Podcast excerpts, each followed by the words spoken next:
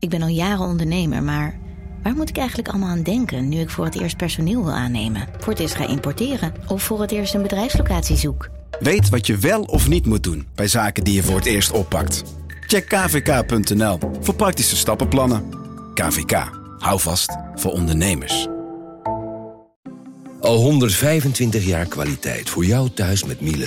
Dat vieren we met jou. Ontvang nu tijdelijk een cashback tot 125 euro op veel Miele-apparatuur. Geniet van de kwaliteit van Miele. Voor perfect verzorgd wasgoed en kleding die veel langer mooi blijft. Voor een stralend schone vaat, even perfect als jouw diners. En een stofvrij thuis waarin echt hygiënisch schoon de standaard is. Check miele.nl voor alle feestelijke aanbiedingen.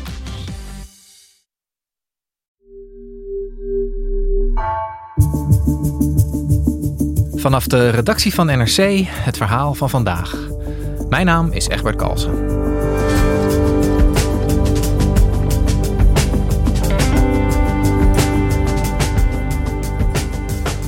Het is een spannende week voor de energieoorlog tussen Rusland en Europa. Uit alles blijkt dat de lidstaten nog niet klaar zijn voor een grote gascrisis. Redacteur Chris Henze legt uit hoe de Europese solidariteit hierdoor onder druk komt te staan. En dan moet de winter nog komen.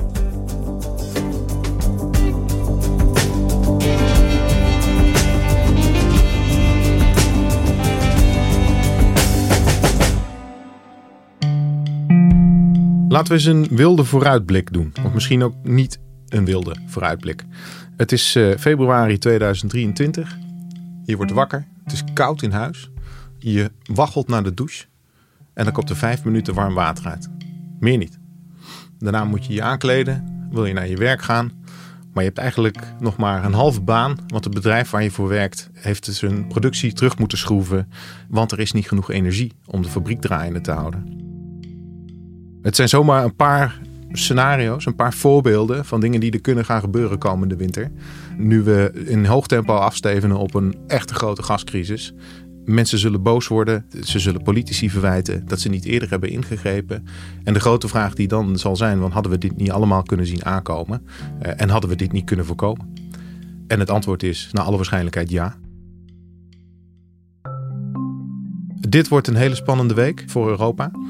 Gisteren uh, heeft de Europese Commissie een voorstel gepresenteerd waarmee Europese landen zich moeten gaan voorbereiden nu om een echte grote gascrisis in de winter te voorkomen. The preparation is not enough. We have to address, and this is for the first time, our energy security at a European level. We are asking the member states to reduce by 15% the gas consumption. En vandaag moet duidelijk gaan worden of Gazprom de Nord Stream pijpleiding toch weer opengooit.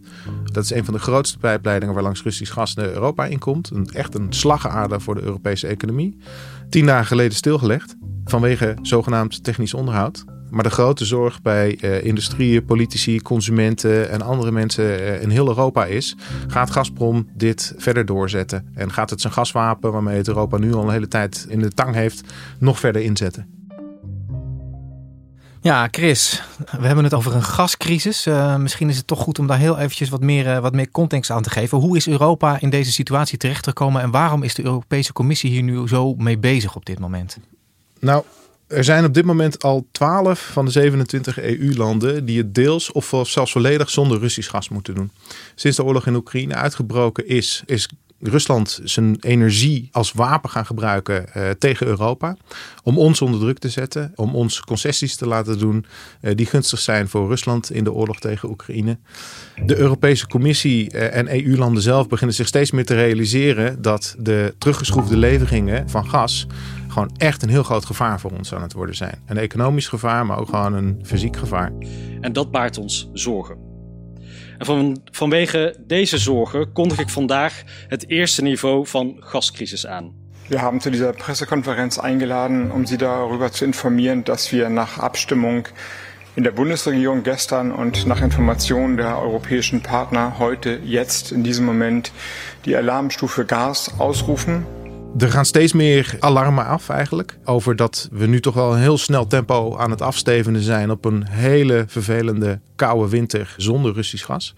Het Internationaal Energieagentschap heeft begin deze week heel heftig gewaarschuwd dat de Europese Unie echt nu in actie moet komen. Wil het nog enige kans hebben dat het komende winter enigszins zonder kleerscheuren gaat doorkomen. Uh, ze zeggen het is code rood en de Europese Unie moet echt veel meer gaan doen. Ja, hey, en, en gaat Europa eigenlijk over het nationale energiebeleid? Nee, dat is een, uh, een pijnlijke zwakke plek nu. De Europese Unie heeft niets te zeggen over het energiebeleid van landen. Daar gaan ze zelf over. Dus landen moeten zelf ook uh, plannen maken om zich voor te bereiden op de winter. Het enige wat de Europese Commissie kan doen op dit moment is duwen stimuleren, waarschuwen, harder roepen. Dit, dit is een heel veel voorkomend fenomeen bij uh, crisis. Hè? Uh, binnen de EU denken landen eigenlijk altijd in eerste instantie: oh, dit lossen we zelf al op. Want anders moeten wij de problemen gaan oplossen van een ander land. Daar hebben we geen zin in, dat kost geld. We doen het zelf, we kunnen het zelf. En dan wordt op een gegeven moment na verloop van tijd duidelijk dat dat soort problemen echt veel te groot zijn om in je eentje op te lossen. En dan kijkt men naar de Europese Commissie. Dan gaan ze schoorvoeten toch naar Brussel toe om hulp te vragen.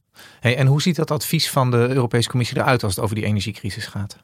De commissie die adviseert dringend om als individuele lidstaat nu al heel veel te gaan doen. Eh, echt nu meteen er al werk van gaan maken om bijvoorbeeld energie te besparen.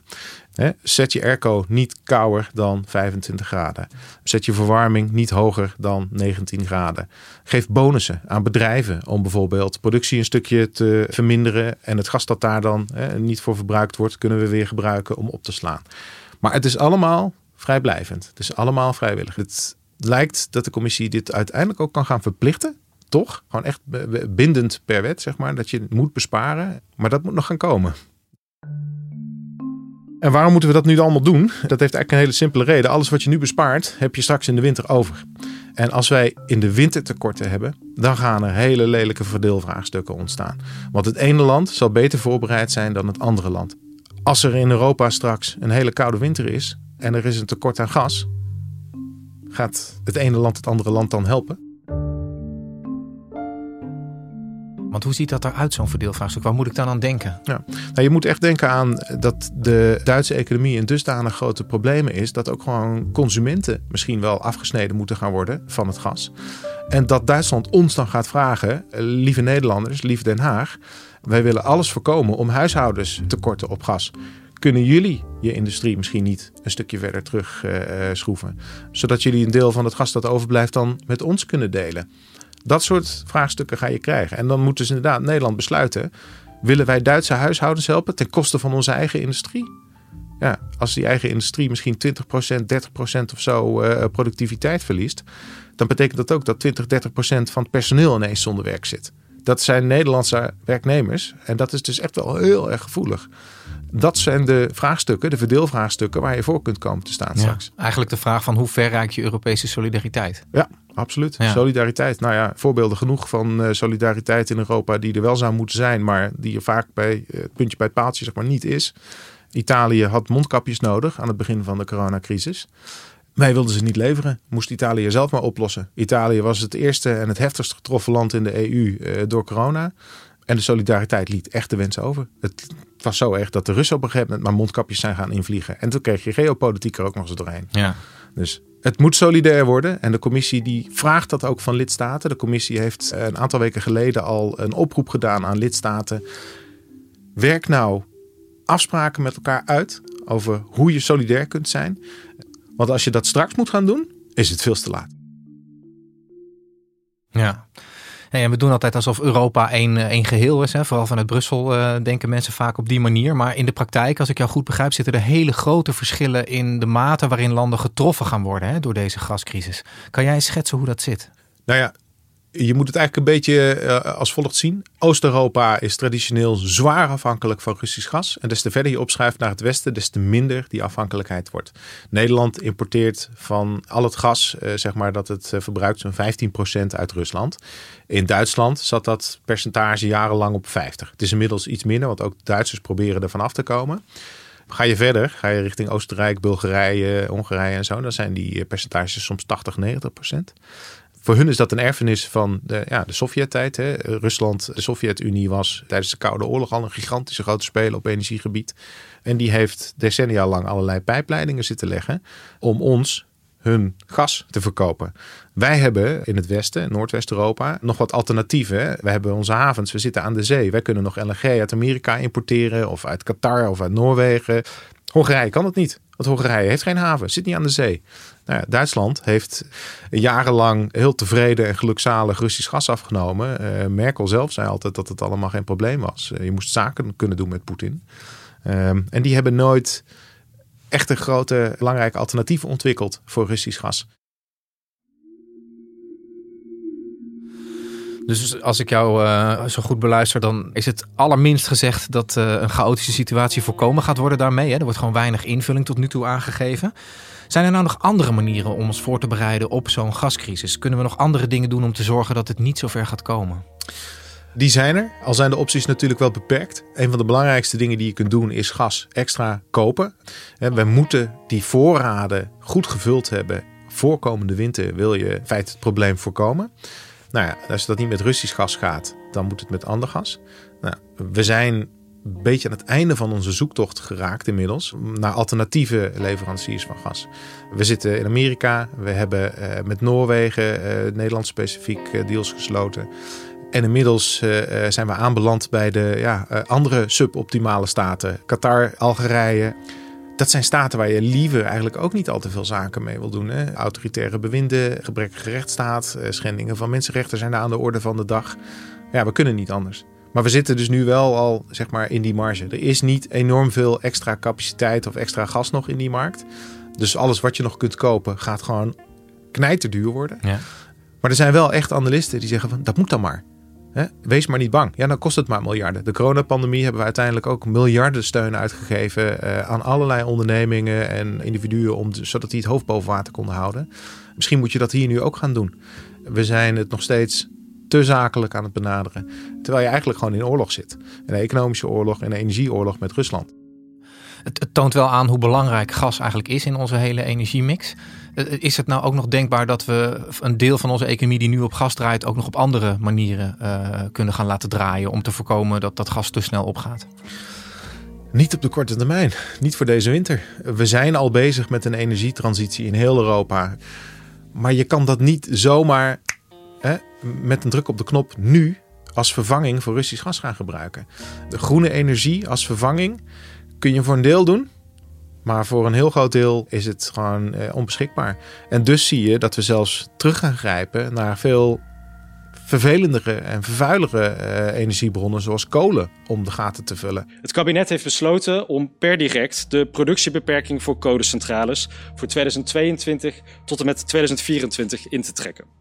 En dat betekent dat kolencentrales weer op vol vermogen mogen draaien in plaats van het maximum van 35 procent. Dat is eigenlijk gewoon indicatief genoeg voor uh, hoe moeilijk het wordt om vervanging nu te vinden voor Russisch gas. Ja, als je dit allemaal zo hoort, dan, uh, dan, dan, dan, dan krijg je toch de indruk dat Poetin ons aardig in de tang heeft hè, met, zijn, met zijn gaspijpleidingen. Mm -hmm. is, is dit er ook nog een keerzijde voor hem aan? Ik bedoel, hij kan die gaskraan wel dichtdraaien, maar dat betekent misschien ook dat hij minder inkomsten krijgt. En het verhaal is steeds, hij heeft die energieinkomsten nodig om zijn oorlog met Oekraïne te blijven voeren. Hoe, hoe zit dat? Ja, dat is natuurlijk de million dollar question. Wanneer gaat dit Poetin eh, wellicht uh, pijn uh, doen, echt pijn doen, dat hij ermee stopt? Het malle is dat we nu in volgens mij een situatie zijn aanbeland waarbij onze sancties onszelf meer pijn aan het doen zijn dan Rusland. Het, Rusland verkoopt minder gas aan ons, hè, substantieel minder gas, maar het verdient nog steeds bakken vol met geld. Eh, hier en daar hoor je zelfs geluiden dat het meer is dan voordat de oorlog uitbrak. Uh, simpelweg omdat de gasprijs door het dak is gegaan. Dus ze verkopen minder gas, maar dat wordt ruimschoots gecompenseerd doordat de gasprijs zoveel gestegen is. Dus ja, Poetin kan zich nog wel het een en ander leiden. En wij ja, steven het dus af op een mogelijk hele nare winter. En ja, je ziet echt hier en daar in Europa barstjes in het front ontstaan. Hongarije uh, heeft nu al gezegd, solidair, nou dat gaan wij niet zijn. Wij kondigen vast een exportverbod af op gas en olie. Ja. Niet dat ze nou zo heel veel exporteren, hè, want alles wat ze daar binnenkrijgen gebruiken ze voor een groot deel zelf. Maar dit is gewoon een heel duidelijk teken. Onder druk en angstig en dan keren we in uh, onszelf. Chris, begin deze week was er een rapport van de Gasunie volgens mij die zeiden dat Nederland er eigenlijk best wel goed voor staat als je het internationaal vergelijkt. Hoe, hoe zit dat? Ja, ja, dat was een hele opmerkelijke uitspraak. De gasunie die zegt Nederland is voldoende voorbereid voor de winter. Mocht Rusland uh, die gaskraan inderdaad dichtdraaien. Ik denk zeker dat Nederland er in Europees verband wat dat betreft wel wat beter voor staat. Uh, we hebben natuurlijk heel veel alternatieve routes. We hebben onze eigen opslagen. We hebben ook nog wel andere energiebronnen. Onze kolencentrales die gaan weer aan. Dus voor Nederland lijkt dat dan in eerste instantie nog wel mee te vallen. Uh, vandaar dus blijkbaar ook dat GasUnie zo'n uitlading doet. Maar het is tegelijkertijd ook wel echt heel erg mal en opmerkelijk om zoiets nu midden in zo'n crisis te roepen. Terwijl allerlei andere experts, uh, dat IEA wat we eerder al noemden, dat is de energiewaakhond van Europa. Die roepen echt iets heel anders. Het is gebaseerd op de aanname dat het een gemiddelde winter is als die winter kouder wordt of langer duurt of zo, dan gaat een behoorlijke belangrijke aanname al meteen hup eh, de prullenbak in. Uh, en dan wordt het een ander verhaal. En het wordt misschien al helemaal een ander verhaal als andere landen een beroep op ons gaan doen, omdat die het niet voor elkaar hebben. Want dat moet dan dus officieel gedeeld gaan worden. Dan moet ons gas officieel die kant op. Dan ontstaat er misschien ook in Brussel wel druk op Nederland om Slochteren alsnog te gaan openen. Uh, dus het is allemaal hoog economisch en politiek spel wat er gespeeld wordt rondom, uh, rondom het gas. Uh, zijn er dan eigenlijk helemaal geen oplossingen? Kunnen wij nog iets doen als, als burgers bijvoorbeeld? laat ik hier ook benadrukken, het hoeft natuurlijk allemaal niet zo uit te gaan pakken. Het hoeft niet dit rampscenario te gaan worden. Misschien hebben we een hele milde winter. We hebben er genoeg gehad de afgelopen jaren. Misschien speelt Gazprom het spel anders. Misschien weten we ergens toch nog nieuwe voorraden aan te boren of zo. Als er echt de pleuris uitbreekt, zie je ook wel hier en daar improvisatievermogen. Dus er is ook een, scenario heel wel denkbaar dat het niet zo rampzalig gaat worden. En tegelijkertijd denk ik, je kunt echt beter uh, goed voorbereid zijn. En wij uh, zelf kunnen daar natuurlijk al van alles aan doen. Zet de kookmekker inderdaad bij de douche erbij. Vijf minuutjes douchen of zo. Ja, dat is vervelend, maar het is misschien wel de moeite waard. Zet de cv-ketel straks maar gewoon inderdaad op 19 en doe maar een deken om in de huiskamer. Dat zijn echt wel concrete stappen die we nu al kunnen zetten. Ja, en dat zijn dus alle kleine beetjes die uh, met elkaar dan misschien een beetje moeten gaan helpen. Ja. Als je nou iets verder de toekomst in probeert te kijken, structureel, komen we van dat Russisch gas af ooit? Hoe, hoe, hoe kijk je daar tegenaan? De Europese Commissie die heeft eerder al gezegd dat een deel van zeg maar, de afschakeling waar we nu mee bezig zijn, onderdeel is van een heel groot programma om definitief te breken met onze verslaving aan Russisch gas. Binnen zeven jaar moet de uh, afhankelijkheid van Rusland compleet verdwenen zijn. Waar ik over denk is, we zitten nog een aantal jaar dus best wel vast aan Rusland. En niemand weet precies hoe deze oorlog gaat lopen, hoe lang die nog gaat duren. Misschien nog wel jaren of zo. Maar ik denk wel dat je er verstandig aan doet om dit niet als een one-off te zien. Er komt hierna nog een winter. En daarna nog één. En het duurt nog even totdat we helemaal gebroken hebben met dat Russische gas. En tot die tijd kan Rusland, zoals het dat eigenlijk altijd heeft gedaan, ons onder druk zetten met dat wapen. Dus wat dat betreft uh, wordt het uh, met z'n allen hopen dat het niet een al te strenge winter wordt? Ja, zeker. Ja. Of Gazprom en Rusland moeten misschien toch vriendelijk zijn en ons uh, van gas blijven voorzien via Nord Stream. dus we zullen met spanning kijken naar wat er vandaag en de komende dagen gaat gebeuren. Of die pijpleiding alsnog open gaat, of niet.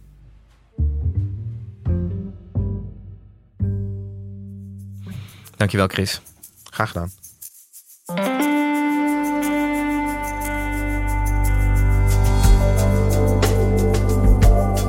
Je luisterde naar vandaag, een podcast van NRC.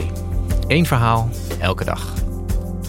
Deze aflevering werd gemaakt door Mandula van den Berg, Elze van Driel en Jeroen Jaspers. Dit was vandaag. Morgen weer.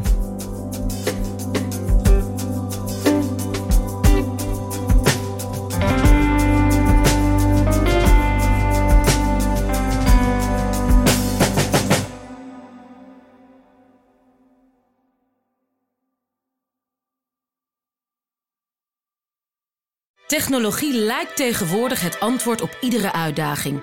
Bij PwC zien we dit anders. Als we de potentie van technologie willen benutten, kunnen we niet zonder een menselijk perspectief. Human-led, tech-powered noemen we dat. Ga naar pwc.nl.